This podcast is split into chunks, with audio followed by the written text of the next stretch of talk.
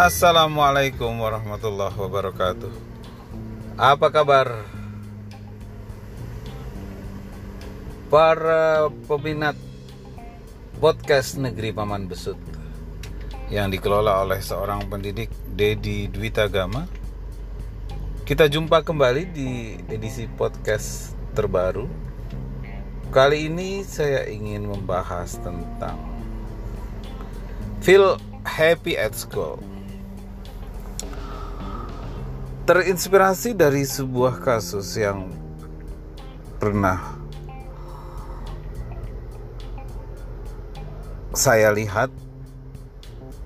Seorang remaja mendapatkan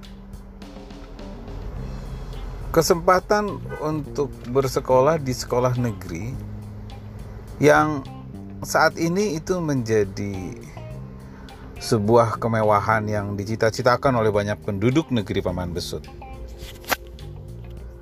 Jarak rumah anak itu ke sekolah dekat sekali, dia hanya bisa berjalan tak sampai 10 menit.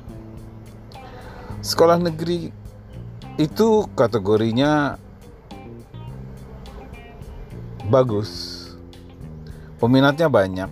Artinya anak remaja itu berjenis kelamin laki-laki itu memenangkan persaingan dari ribuan orang untuk diterima di sekolah negeri dekat rumahnya itu. Tapi apa yang terjadi setelah sekolah berlangsung lebih kurang tiga bulan? Anak itu mulai tak semangat bersekolah dia sering tak masuk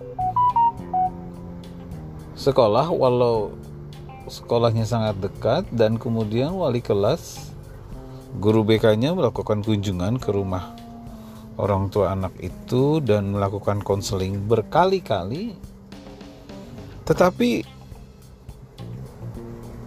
anak itu seperti kehilangan minat untuk bersekolah dan berujung dia keluar dari sekolah negeri di dekat rumahnya. Sebelum keluar, saat tidak bersekolah, anak itu sering terlihat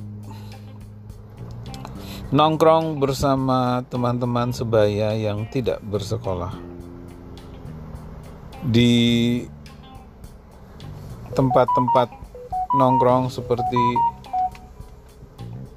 gardu hansip. Pertigaan jalan. Di arena uh, balap burung dara. Dan berbagai tempat yang di mana banyak orang-orang nongkrong seperti para pengemudi ojek online. Rupanya anak laki-laki remaja itu lebih mendapatkan kebahagiaan di tempat tongkrongan dibanding di sekolah. Kenapa ini bisa terjadi?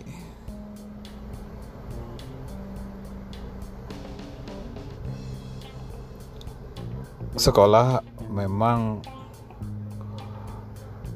bukan persoalan yang mudah bahwa seorang anak harus melalui hari-hari belajar di sekolah selama taman kanak-kanak bisa satu tahun bisa dua tahun enam tahun di SD tiga tahun di SLTP dan tiga tahun di SLTA bahkan bisa berlanjut empat tahun di perguruan tinggi.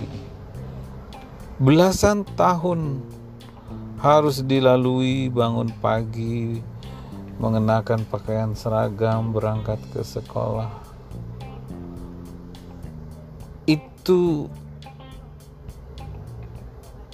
peristiwa luar biasa buat seorang anak manusia.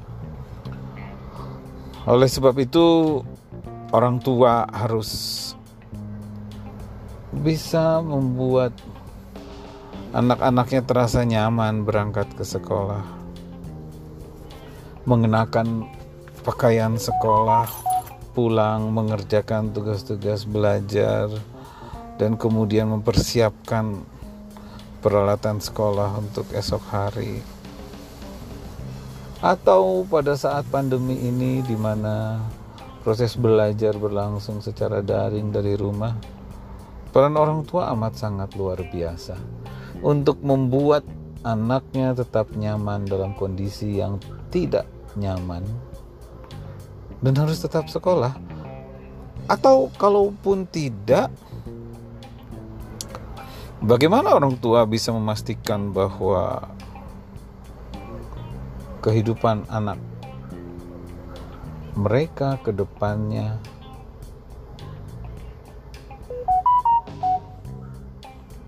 bisa berjalan sesuai yang diharapkan dan bahkan lebih baik dari orang tuanya. Nah,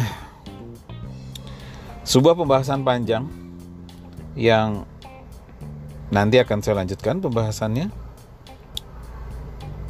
Mudah-mudahan bermanfaat. Terima kasih sudah mendengarkan podcast Negeri Paman Besut. Sampai berjumpa di podcast-podcast berikutnya. Assalamualaikum warahmatullahi wabarakatuh. Salam sehat.